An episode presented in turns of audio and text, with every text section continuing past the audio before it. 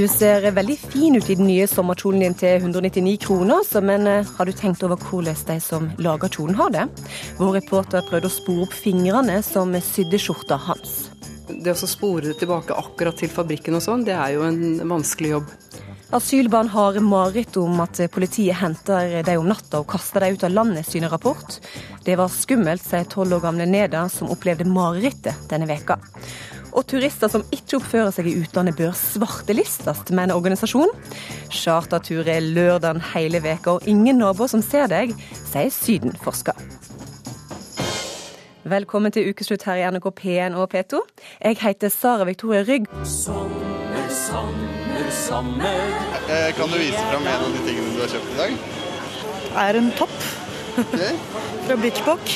Kan vi se, sjekke hvor den er fra? Tyrkia. Ja. Oh, ja. Jeg får så dårlig samvittighet. Hvorfor får du dårlig samvittighet, da? Jeg vet hvordan de lages.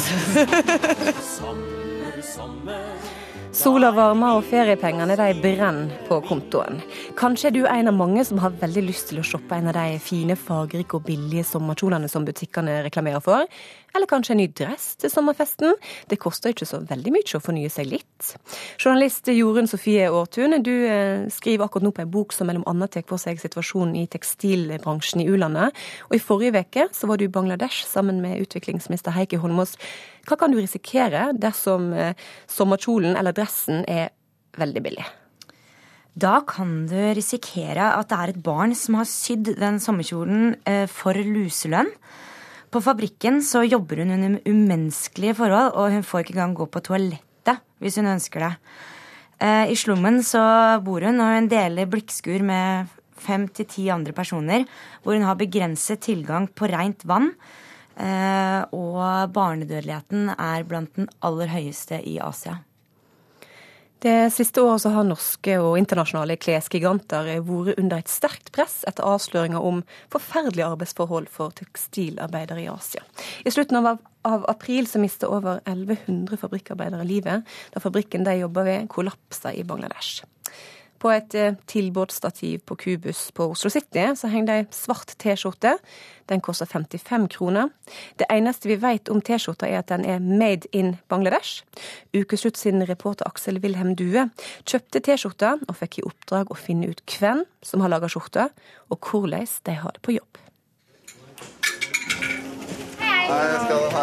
Jeg er på Kubus på Oslo City, og jeg legger en helt enkel svart T-skjorte på disken. Jenta bak disken har blomster i håret og jobber raskt, for køen bak meg er lang. Mange har fått feriepenger, det er fint vær og klærne er billige. 55 kroner koster T-skjorta. Den skal jeg jo nå leve med et par dager og finne ut av hvor den kommer fra. Det står jo at den er fra Bangladesh. Jeg er ute av butikken, det er onsdag, og jeg har tre dager på meg på å finne ut av hvor T-skjorten er laget. Jeg har aldri tenkt noe særlig over hvor klærne jeg kjøper kommer fra, eller hvordan de som lager dem, har det. Jeg spør feriepengeglade shoppere på Oslo City hva de tenker. Jeg pleier du å tenke over hvor klærne du kjøper er fra? Jeg får dårlig samvittighet når jeg tenker over det, så nei. Det er en single. singlet. Eh, Veit du hvor den er fra? Den er fra Hennes Maurits. Men uh, hvor er den laga hen? Skal vi se. Bangladesh. Eh, pleier du å tenke over hvor klærne du kjøper er fra? Nei, det gjør jeg ikke. Har du TV i nærheten eller noe? Nei, det er bare radio. Å ja. På radioen? Pleier du å tenke på hvor eh, klærne kommer fra? Ja, noen ganger. Hva tenker du da?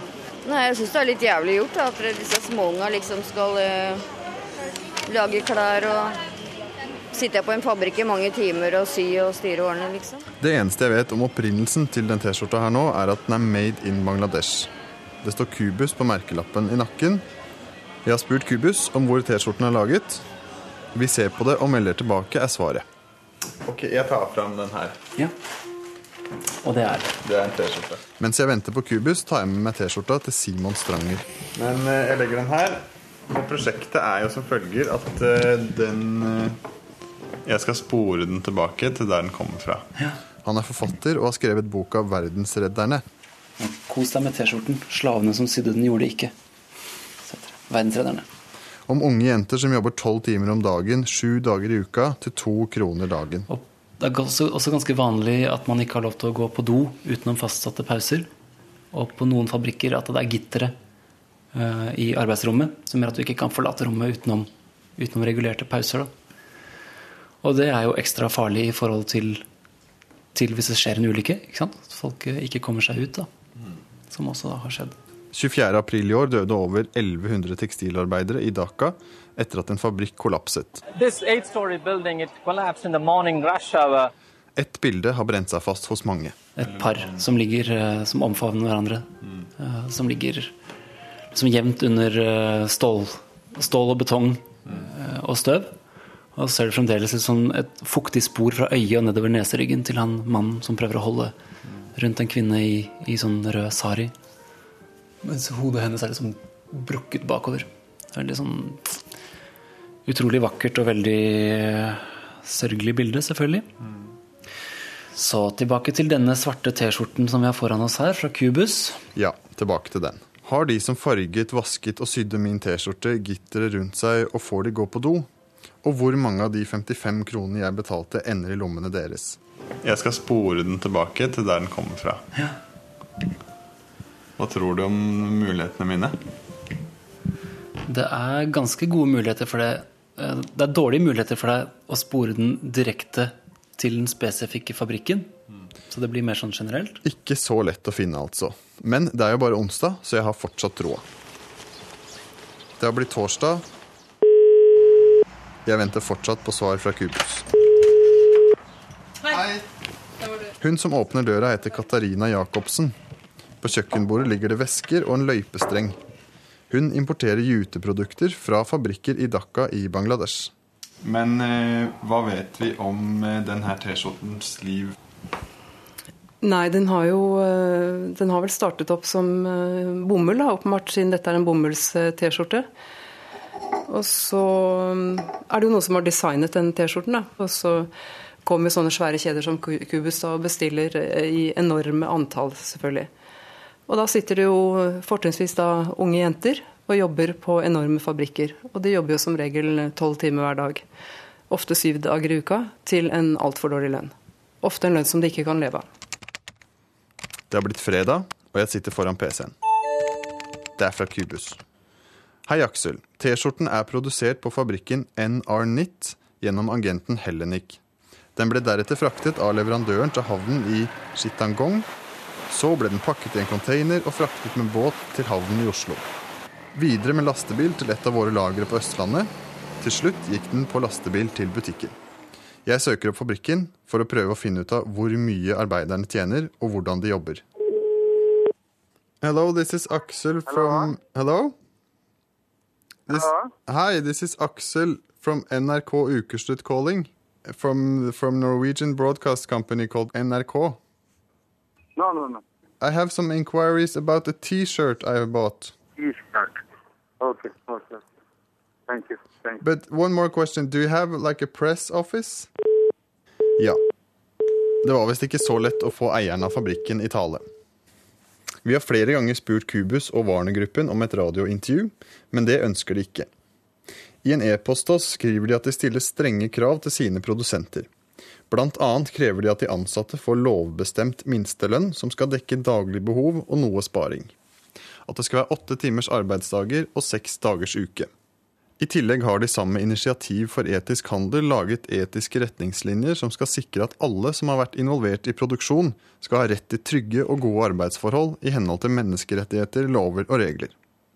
De tilbakeviser altså på det sterkeste påstanden om helsefarlige arbeidsforhold og lønn det ikke går an å leve av. Vi syns det er veldig veldig bra at de har gått ut eh, med sine leverandørlister. Og til forskjell fra HM, som eh, bare eh, angir 50% av sine leverandører, så, kommer barnegruppen med hele sin leverandørliste, og det syns vi er kjempebra. Karina Leffler i Fremtiden i våre hender roser altså Kubus og Warner-gruppen for åpenheten. Det jeg også nå står igjen med, er at min svarte T-skjorte fra Kubus er laget på en fabrikk i Bangladesh, hvor arbeiderne får lønn det går an å leve av og spare litt, og der de har trygge arbeidsforhold. Oppdrag utført. Ja, Der tror jeg må arrestere deg litt. Eh, eh, Denne T-skjorten har en forhistorie før den havna på fabrikken nå. For det, den har jo blitt, eh, den jo blitt produsert av bomull. Og på bomullsmarkene i Usbekistan eller i India så er det ikke noe dans på roser. Eh, sannsynligvis er arbeidsforholdene minst like eh, krevende. Og lønningene er kanskje bare en brøkdel av det tekstilarbeiderne tjener. Jorunn eh, Sofie Aartun, eh, her har jeg den svarte enkle T-skjorta som eh, vår reporter Aksel har gått rundt med i flere dager og prøvd å finne ut hvor, hvor, den kom fra. Det var ikke enkelt å finne historier til denne skjorta. Hvorfor er det så vanskelig å finne ut hvor et plagg er fra? Altså Det er fordi eh, tekstilindustrien er en veldig veldig lite transparent industri. Hvor det er veldig veldig lite åpenhet rundt eh, hvordan T-skjorten er produsert, eller hvem som har laget den. Jeg tror det har sammenheng med at det er en ubehagelig sannhet som eh, Eh, de store billigkjedene ønsker å holde for seg selv, og ikke dele med forbrukerne. Mm.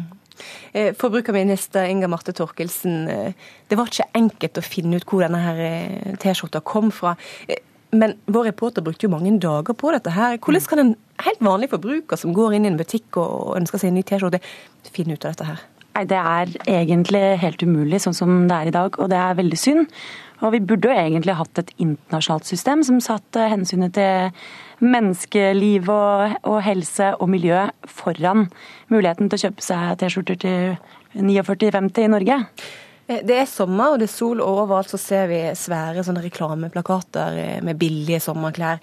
Eh, Jorunn Aartun, hva skal vi tenke på når vi ser at kjolene bare blir billigere og billigere? Jeg tenker jo at man, man da må, må tenker på det at man risikerer at det er en, en ung kvinne eller en ung jente som har sydd denne kjolen eller denne T-skjorten for luselønn. Eh, de får kanskje ikke mer enn et par kroner timen om å jobbe tolvtimers skift for å få endene til å, å møtes. Så det er jo sånn at når en en T-skjorte eller en, en, kjole kanskje ikke koster mer enn en burger på McDonald's, så er det ganske stor sannsynlighet for at eh, det er noen som er blitt skrudd i denne prosessen. Inga Marte Torkelsen, er det jo OK at vi som eh, relativt rike nordmenn eh, kjøper oss en billig kjole bare fordi vi har lyst på det, og så er det noen andre som får svi? Egentlig er det jo ikke det. Og det er jo heldigvis sånn at en del av oss eh, føler på det og ønsker at det skal være annerledes. Og prøver å være mer bevisste også. Og så slites man jo da eh, mellom det ønsket og eh, dragningen da mot de nye klærne, og gjerne de billige klærne, sånn at man kan ha mest mulig, sånn at man kan følge motene.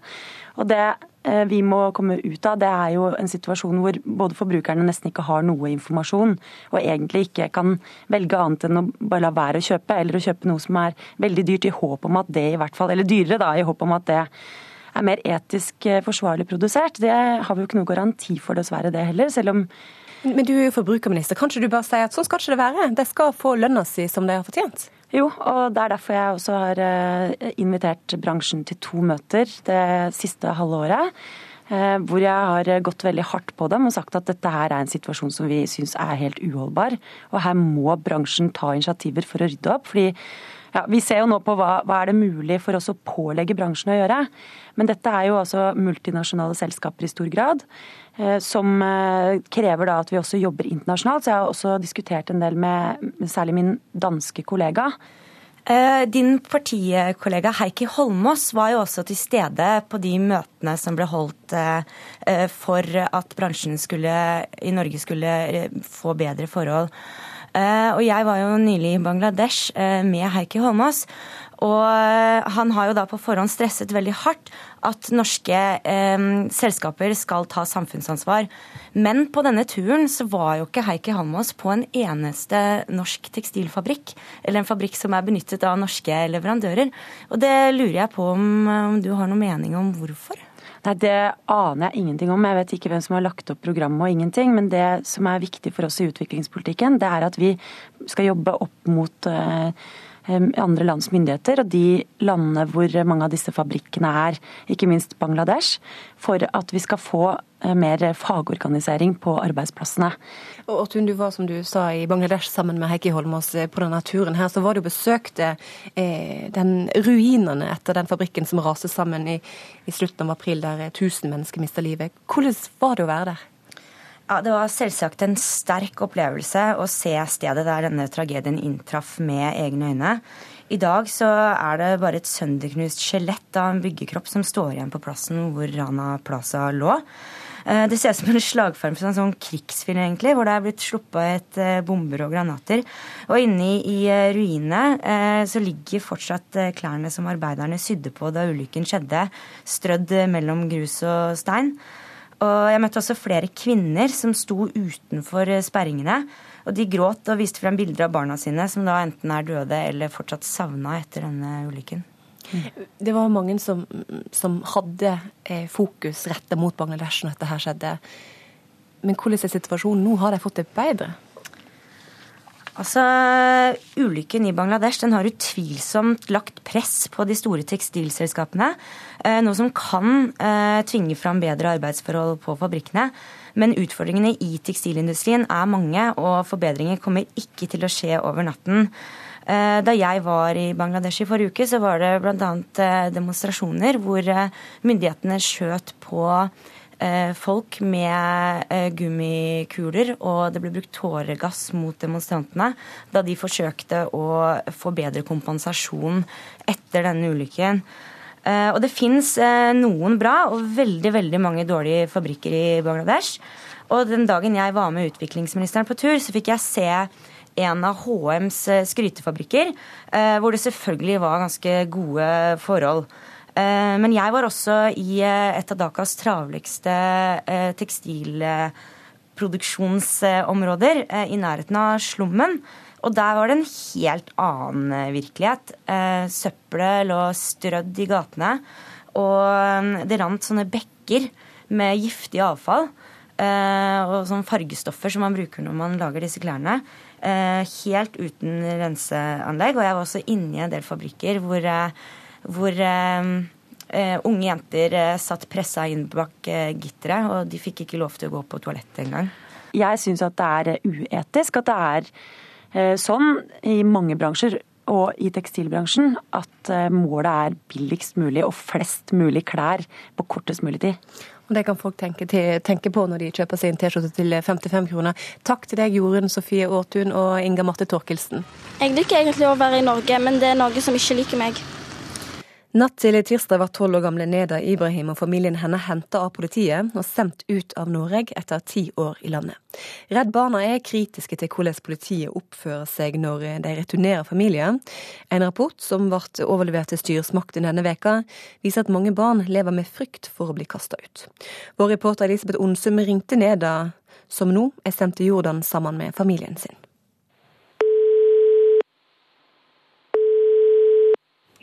Hallo?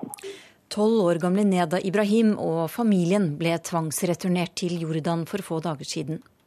Etter ti år på asylmottak i Norge er de overlatt til seg selv. Neda sier hun er sliten og at hun ikke har det bra. Dårlig. Jeg vil vekk. Jeg vil tilbake til Norge. Hvorfor det? Fordi det blir Jeg går på skole. Der er mine venner. Der er alt. Her har jeg ingenting. Vi har ikke noe hus. Jeg har ingenting. Natt til tirsdag denne uka sto politiet på soverommet til Neda og lyste med lommelykt, forteller hun. Jeg lå og sov, men plutselig hørte jeg ordet politiet, så våkna jeg. Ja, de kom inn med lommelykter. Ikke fjeset bare. Ble du redd? Ja, jeg ble veldig redd. Det var skikkelig. Nei, det bør aldri skje om natta. Jeg ser ingen grunn til at det skal skje om natta, ut ifra hvordan vi skal behandle barn i Norge. Janne Rånes er leder av Norgesprogrammet i Redd Barna. Denne uka leverte hun en rapport til myndighetene om hvordan barn opplever å være asylsøkere i Norge. Overraskende mange barn uttrykker redsel for å bli hentet av politiet. Det er ikke bare de ungene som blir utsatt for det, men alle de ungene som bor igjen i mottak, forteller sterke historier om frykten for at i natt blir det oss. Og søvnproblem går igjen som et tema, og de snakker mye om politiet. Og da er det også litt viktig å huske på at mange av de her ungene som kommer fra mange andre land, har et helt annet forhold til politiet enn det våre barn har. Politiet for dem er kanskje noe av det skumleste du kan tenke deg. 297 barn har blitt tvangsreturnert sammen med foreldrene sine i perioden 1.6 i fjor til 1. mai i år. Det viser en gjennomgang som Klassekampen har gjort. En gutt på seks år har tegnet frykten sin.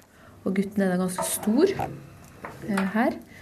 Og så er det en politibil her, og så er det masse eh, figurer rundt som vi etter hvert skjønte var monster. Mange forskjellige monster. Og så spurte vi han litt mer om hva det her var.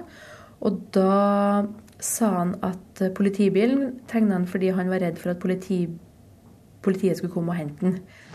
Jeg heter Neda og er ti år. Også Neda fortalte om denne frykten for to år siden i Lørdagsrevyen. For noen dager siden så har politiet kommet ned der og tatt uh, venninna mi. Hun skulle på skolen, men så fikk hun ikke gå på skolen. Hun måtte, uh, hun måtte dra tilbake til Tsjetsjenia. Og jeg er redd at det ikke er det samme med meg. Så jeg blir så irritert at jeg kunne ha brukt ord jeg ikke skal bruke på radio. Venstreleder Trine Skei Grande har lite til overs for politiets metoder. Jeg har snakka med mange av de barna her, og de er redd for å legge seg. Fordi de vet at politiet alltid kommer om natta.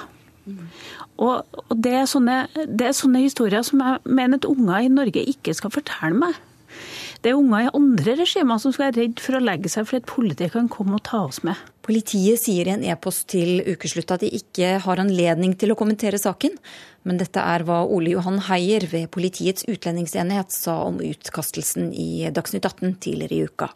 Vi går alltid fram så skånsomt som overhodet mulig eh, for at dette skal foregå rolig. Og det foregikk også rolig i dette tilfellet her. Eh, familien fikk flere timer på seg til å pakke sakene sine og gjøre seg klare, slik at vi kunne rekke eh, flyet og være ute i god tid. Det tok norske myndigheter ti år å finne ut at Nedas far hadde oppgitt feil identitet. For en tolv år gammel jente oppleves det urettferdig. At du har et dårlig behandling for barn.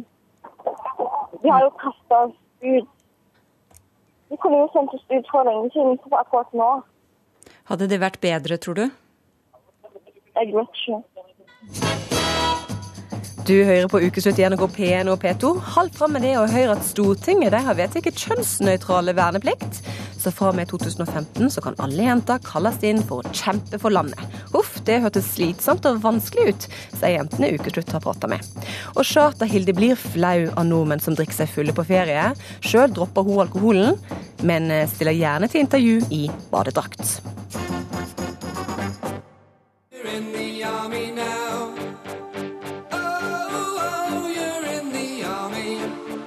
Dag har de bestemt på Stortinget at det skal bli sånn at også jenter må i militæret. Hva syns dere om det? Det visste, du ikke, jeg... visste du ikke det? Nei, jeg visste ikke det. Jeg syns det er rart. Jeg visste ikke at det skulle være sånn. Jeg syns det er litt dumt. Jeg har ikke lyst til å gå i militæret. Hvorfor ikke? Fordi det høres veldig slitsomt og vanskelig ut. Men det er jo slitsomt og vanskelig for guttene. Skal det ikke være slitsomt og vanskelig for jentene? Nei, men eh, hvis guttene hele tiden skryter av at de er så mye sterkere enn jenter, så er det jo greit, det. Nei, Jeg syns ikke jenter burde bli tvunget til å gå i militæret. Men på det er på en måte, måte- Gutter er det greit. Hvorfor Fordi det? De, de har på en måte kroppen og den energien eller kunnskapen til det. Jeg kan ikke bidra med så innmari mye hvis det er tester og løpe hit og dit. Og... Sendt ut i krigen, da? Nei, det hadde jeg hadde jeg heller ikke klart. Men hva sier du da, hvis de sier at du må? Jeg vet faen, jeg må flytte, da. Rømme landet. Rømme. Det er mange som sier det er rettferdig, for det er ikke bare guttene som må. Hva syns du om det? Nei, jeg vet ikke. Da kanskje vi ble inkludert litt for mye akkurat nå. Litt synd at du ikke er et år eldre. Da hadde du sluppet. Ja, jeg vet. Det er litt synd.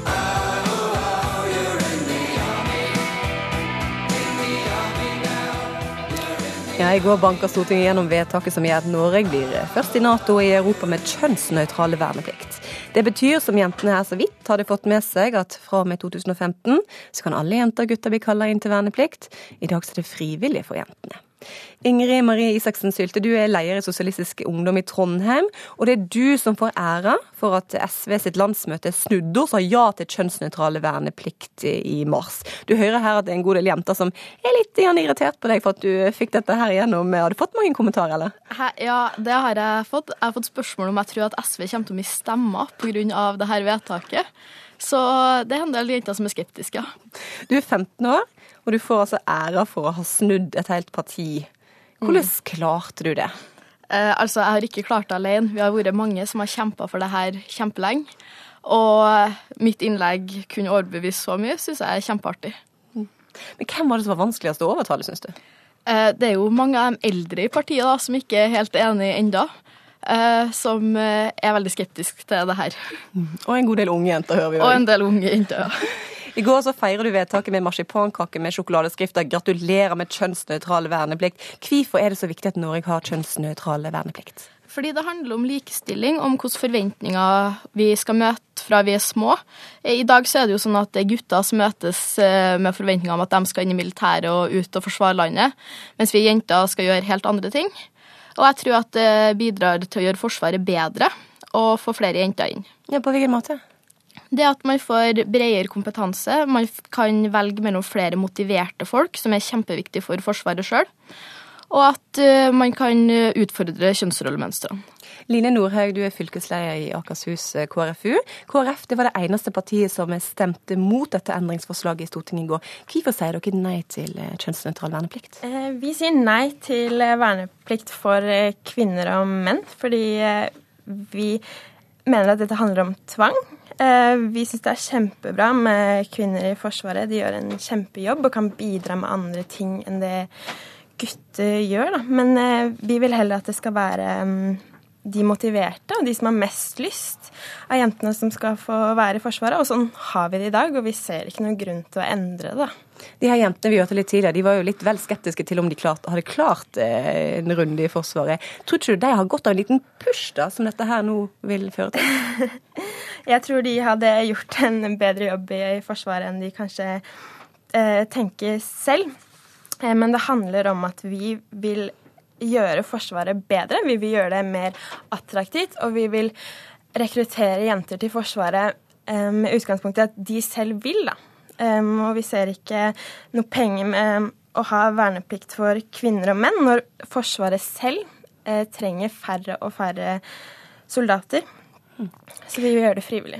Ingrid Marie, får du det beste forsvar ved å tvinge jentene inn? Eh, altså, Jeg ser jo ikke på det som tvang på samme måte, fordi Forsvaret velger jo ut de mest motiverte. Eh, og grunnen til at vi er så opptatt av det her, det er at vi mener at Forsvaret bør bestå av folket, sånn at folket har et forhold til Forsvaret. Og at det ikke bare blir et eliteforsvar som består av soldater som går inn fordi de ønsker ut i krigen. Ja, eh, det har jo på en måte, Hele debatten har jo blitt fronta som en sånn likestillingskamp for regjeringen. Og hvis man ser på undersøkelser som har blitt gjort nå, bl.a. kommet en fra Handelshøyskolen nå, som sier at faktisk kvinner taper på et sånt vernepliktsår, økonomisk sett. Så kvinner taper likestillingsmessig fordi man ser at uh, som det er i dag, så, får, så henger kvinner etter lønnsmessig. Og de taper Ehm, og, eller de går ned i lønn ehm, i forbindelse med barnefødsel, barneomsorg, og man ser at mennene eh, de taper ikke noe på å føde barn. Um, og nå taper de òg penger på at de må inn i militæret et år. Ja. Eh, Ingrid Marie, nå blir bare kvinnene hengende etter nå, da? Eh, grunnen til at vi er så for det her og ser på det som likestilling, er jo fordi at vi samtidig utvider pappapermen og gjør til at flere menn tar permisjon. Sånn at det ikke bare er kvinner som taper økonomisk på å få barn. For det er tross alt to foreldre. Det er kjempefint at, um, at fedre skal være hjemme i pappaperm, men det er likevel et faktum at det er kvinnene som tar den største omsorgsrollen, og det er de som er hjemme lengst, og da går de glipp av arbeidserfaring. Men, men, Line, det er jo stemmerettsjubileum i år. Det er 100 år siden kvinner fikk mm. Eh, stemmerett. Er ikke det på tide at vi forsvarer landet vårt akkurat på lik linje som mennene, da? Jo, jeg syns det er kjempebra med jenter i Forsvaret. Jeg tror også jenter i Forsvaret kan gjøre noe med miljøet der. At man endrer holdninger og får en eh, annen respekt for den jobben jenter gjør. Fordi jeg tror de fleste jenter har en god erfaring med å være i Forsvaret, men så ser man likevel at noen opplever mobbing, noen blir diskriminert. Og da vil KrFU eh, vil virkelig stå i fronten for den kampen mot mobbing som jenter opplever, da. Men vi mener ikke at det å tvinge jentene inn i Forsvaret er svaret. Hva sier du til det, Ingrid Marie? Nei, altså jeg ser jo på det at eh, vi får likestilt verneplikt, at eh, man får flere jenter som ser på Forsvaret som en mulighet. For det er ikke nødvendigvis alle jenter som gjør i dag. Mange er kanskje redd for å bli eneste jenta, man er kanskje redd for å bli utsatt for seksuell trakassering. Og at man fokuserer på å rekruttere kvinner, som Forsvaret har gjort i flere år nå. og bedre miljøet, sånn at kvinner også får den respekten de fortjener i militæret, så tror jeg ikke at det er noe negativt i likestilt verneplikten. Det er vi i KrFU helt enig i. Derfor gikk vi for en obligatorisk eh, sesjonsplikt for gutter og jenter, sånn at alle får den informasjonen eh, de trenger om Forsvaret. Og så må det være opp til hver enkelt om de velger å gå inn i det eller ikke. Ingrid Marie, vi, vi hørte her jentene vi hadde pratet med på gata, de, de følte at de ikke passa inn. Hva vil du si til de som, som føler at dette her blir eh, helt feil? Nei, altså Det er jo fortsatt mulighet til å nekte. Og når man åpner for flere som kan eh, få bli innkalt til førstegangstjeneste, så vil de jo også velge mellom de motiverte folkene. Og jeg tror at mange jenter har litt den holdninga om at de ikke er bra nok. Og jeg tror at ved å få kjønnsnøytral verneplikt, de som vokser opp etter oss nå, som er vant til at det her kan bli noe for alle, tror ikke at de vil slite med den samme at vi er jenter og vi er ikke bra nok. Det jeg syns er ironisk, da, er jo at det er jo kun én av ti gutter som faktisk eh, fullfører eh, verneplikten. Og Forsvaret trenger færre og færre soldater. Eh, så jeg ser, ikke, jeg ser ikke argumentet med at man skal doble rekrutteringsgrunnlaget når man Jenter har mulighet i dag. De gjør en kjempejobb. La det være frivillig. Line, du, du er jo 22 år i dag, så du slipper unna dette her. Er du glad for det, eller? Eh, jeg trenger i hvert fall ikke ta stilling til det, men jeg syns likevel det er viktig å mene noe om det. Eh, Som KrFU-er eh, så er jeg opptatt av å være med å forme framtidens forslag. Og Ingrid Marie, mm. du er 15. Det betyr at du er en av de første jentene som blir kalla inn til verneplikt i 2015. Hvordan blir det å vandre rundt i grønn kamuflasjedrakt? Jeg, altså, jeg tror jo helt ærlig at jeg har veldig godt av det. Fordi jeg trenger litt mer fysisk aktivitet enn jeg holder på med sjøl for tida. Uh, men uh, altså, jeg har, ønsker jo inn i militæret, men det er ikke fordi at Det er ikke derfor saken her er så viktig for meg. Er det ikke. Mm. Men du får eh, ha lykke til da om, om eh, to år eh, og få øve deg på pushups og armhevinger og den slags springing i skogen i mellomtida. Takk for at du var med i Ukeslutt, Ingrid Marie Isaksen Sylte, og takk til deg, Line Nordhaug. Hello, party people. This is Captain Kim speaking. Welcome aboard Benga Airways. After takeoff, we'll pump up the sound system, cause we're going to. Det er et bitte lite antall nordmenn som også under ferien oppfører seg på en sånn måte at de setter sitt eget liv, andres eh, sikkerhet, ikke minst medbrakte barns sikkerhet, i fare. For de som blir rammet av oppførselen til disse, og ikke minst da de som reiser sammen med de i reisefølget, så er dette et utrolig stort problem.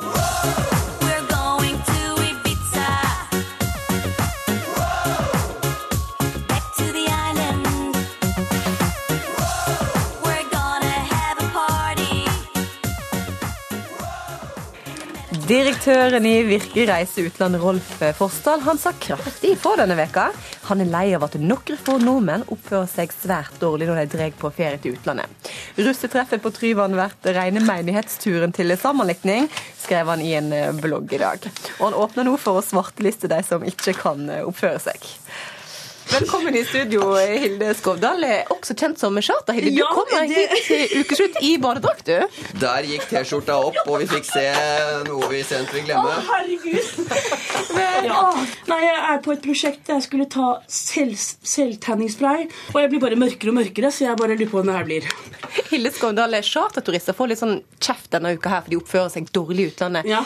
Hvordan er egentlig charterturister? Altså, nå har jo jeg vært med en del charterturer, og jeg syns at eh, hvor man enn er rundt i verden, så må man oppføre seg.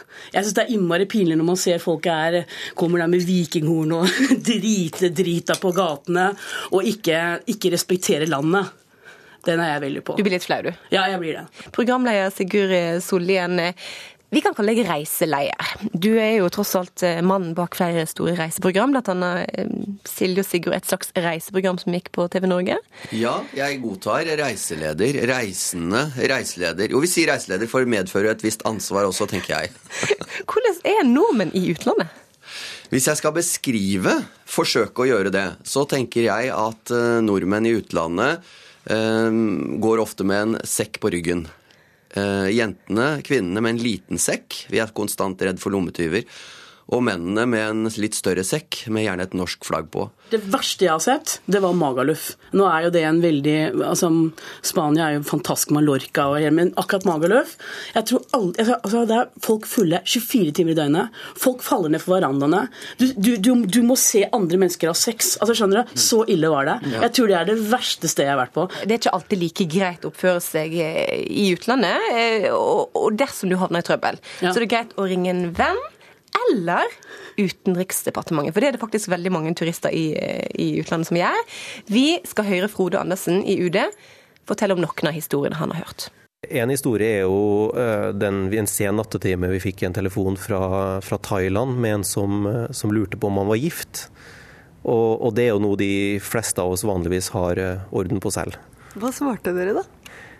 Nei, vi, vi, kan jo finne det ut, selvfølgelig. Men uh, vi, vi oppfordrer vel vedkommende til, å, til si, å undersøke litt nærmere selv om, om, uh, om han burde om, si, om det var et aktuelt spørsmål for vedkommende. Vi har også fått spørsmål om um, det var en som var på kjærestetur med en ny kjæreste. Han ville ikke spørre dama om lån, så han lurte på om vi kunne låne noen penger isteden. Runar Døving, du er eksperten på dette, får vi si. Du er sosialantropolog, og du har skrevet hovedfagsoppgave om nordmenn på sydentur. Hva er den typiske charterturist? Nei, altså Den typiske charterturisten. det er altså Charter er en stor fest, og da gjør man akkurat det motsatte av hva man gjør til hverdags. Det er altså veldig det er rituell atferd. Man snur alle normer som man har til det daglige, på hodet, og da blir det, altså, blir lørdag hele uken. Og eh, Da skal man drikke og ha det gøy. så Det blir 24 timers fest i, sy, i syv dager. så da, da, kan det jo kanskje bli litt sånn Jeppe på, på Bjerget i store horder som er, er på samme, samme sted. Men, men tror du, eh, ut fra det du sa nå, at i og med at eh, charter er en stor fest, at det blir litt sånn fordi i Norge er det relativt konformt. At vi skal ikke skille oss ut. Og så slapper vi virkelig av og bøtter innpå og hygger oss ordentlig. Ja, men ikke sant, det er akkurat som julebordet. ikke sant? Vi vet at det er unntakstilstand i, i, i, sentrum når julebordsesongen begynner. Og da skal hele, hele eh, bedriften gjennom en sånn felles ritual, og alle skal bli like og hei, skål og sjef. Mens da når vi gjør det i grupper i, i Syden, så gjør man det i fellesskap i løpet av syv uker. Så, sånn som jeg, jeg sier jo ja til galskap og ha det gøy og alt det der med lørdag og helgen. Men det fins jo altså man må, Når du kommer til et annet land, idet du setter foten din på et annet land, eller i, i et annet land, så syns jeg man skal ta normene det er, reglene. Du kan ha det gøy, du kan bade på bader, du kan danse og skrike og alt mulig, men du må ta hensyn. Og det er samme gjelder jo i vårt land. Jeg mener, Vi driver her i Norge og driver og raser over masse ting men at ikke vi skal gjøre sånn og sånn, og de må ikke gjøre sånn og sånn. Men det gjelder jo oss også, når vi kommer til et annet land. Ja, hva er det som gjør at vi bare glemmer ren høflighet og lover og regler og alt når vi kommer til utlandet? Det er vel at ingen kan sladre, vel? Ja, og så, og så er, det, er, er, det, det at vi, vi føler oss eh, som, som kunder, mm. og som kunder så har vi alltid rett. Ja. Og det er den situasjonen som, eh, som spanjolene f.eks. har blitt presset i, fordi at, eh, at, vi er jo deres kunder, og vi sørger jo for deres økonomi. Så de har jo avgrensede områder som de ser på som, som industriområder. Og, og derfor så tåler de eh, veldig mye fra oss og, og er servile ser, ser, servitører. Og da får vi denne asymmetriske relasjonen hvor vi betaler dem penger. Jeg tenker på en ting, og det er at jeg innbiller meg at veldig mange nordmenn, eller nordmenn stort sett, da, er, oppfører seg ganske bra i utlandet. Og er ganske sånn reserverte. Du, drar du på chartertur, så får du jo chartergjester. Men det fins jo chartergjester som er familieforeldre og oppfører seg og legger seg tidlig. Men, men, det er ikke bare nordmenn som ikke kan oppføre seg i utlandet. Eh, det var ikke så veldig lenge siden det var en stor sak om en kinesisk tenåring som hadde rissa inn 'Jeg var her' i et kunstverk i det 3500 år gamle Luxor-tempelet i Egypt. Å, herlighet. Så vi er kanskje ikke de verste i verden, da? Nei, altså Vi er jo veldig opptatt av oss, oss, oss selv, og særlig, særlig middelklassen er veldig opptatt av oss å se på andre, for at vi representerer Norge når vi er ute, ute, ute, og reiser. Så Derfor så ser vi jo gjerne litt ned på denne, denne, denne type og tenker på at det handler om oss, handler om oss, oss selv. Men, men, det er klart at, at, at, de gruppene som altså vinterturistene eller familieturistene sånn, som har med seg små barn, de har jo problemer med denne gruppen som, som, som drikker altfor mye. Og det verste jeg har sett, er jo Jeg var på en, en restaurant hvor det var nesten bare nordmenn. Jeg altså en norsk restaurant. da. Og Der var det en kvinne i midten av 50-årene som, som, dro opp skjørtet og var bar under og datt ned fra stolen fordi hun var drita full midt, midt, på dagen. Og Da er det klart at, at, at, det er jo et problem for de som driver restauranten, at uh, kanskje noen av de andre kundene syns at dette var kanskje litt i overkant uh, eksponerende. Ha, har du ikke sans for spøk? Altså, hun, var vel, hun, var vel, varm nedentil? Og... ja, man ville trenge, tenkt, tenkte litt luft. Ja. Men det er klart, det, det, virket litt påtrengende med den type blotting. Og, og man kan jo forstå at, at den bareieren helst ville utvise henne fra lokalet og ikke la henne komme tilbake dagen etter. Ja, det, det, det kan jeg jo skjønne. Sikkert mange som gleder seg til sommerferien. Jeg vet ikke helt om Utenriksdepartementet er en av dem. De får jo de telefonene som vi har vært inne på. Fodan eh, Andersen han har et par historier til han. Noen, noen, av de sakene vi, vi kommer borti, er jo knytta til at man, man, glemmer at kanskje andre kulturer har et litt annet forhold til alkohol enn det vi, vi har i Norge. En historie var tilknytta eh, et arabisk land. Der eh, det var i den, den, tida på året der muslimene drar til Mekka, altså det går en hajj. Eh, og da kler de seg ofte opp i hvite klær for å vise at de, foran Gud så er vi alle like. Eh, det ble misforstått av noen norske turister som trodde at det var toga-party. Så de, eh, så de, eh, de si, tok, eh, tok lakenene fra hotellsengene og ønska å være med på den festen. og det det kan vi kanskje si etter på klokskapens lys at ikke, var, ikke gikk spesielt godt hjem i, blant publikum i det landet. Ok, Så det er ikke alle som klarer å oppføre seg når de reiser til utlandet, hører vi. Men direktøren i Virke han vil altså svarteliste turister som ikke oppfører seg. Er det det er en god idé. fordi at, ja, eh, Charterturen har et problem fordi at man reiser i fellesskap i flokk i et, i et, fly. og Da får man ikke følelsen av å reise som man tror liksom man kommer til et sånt kollektivt fest, feststed.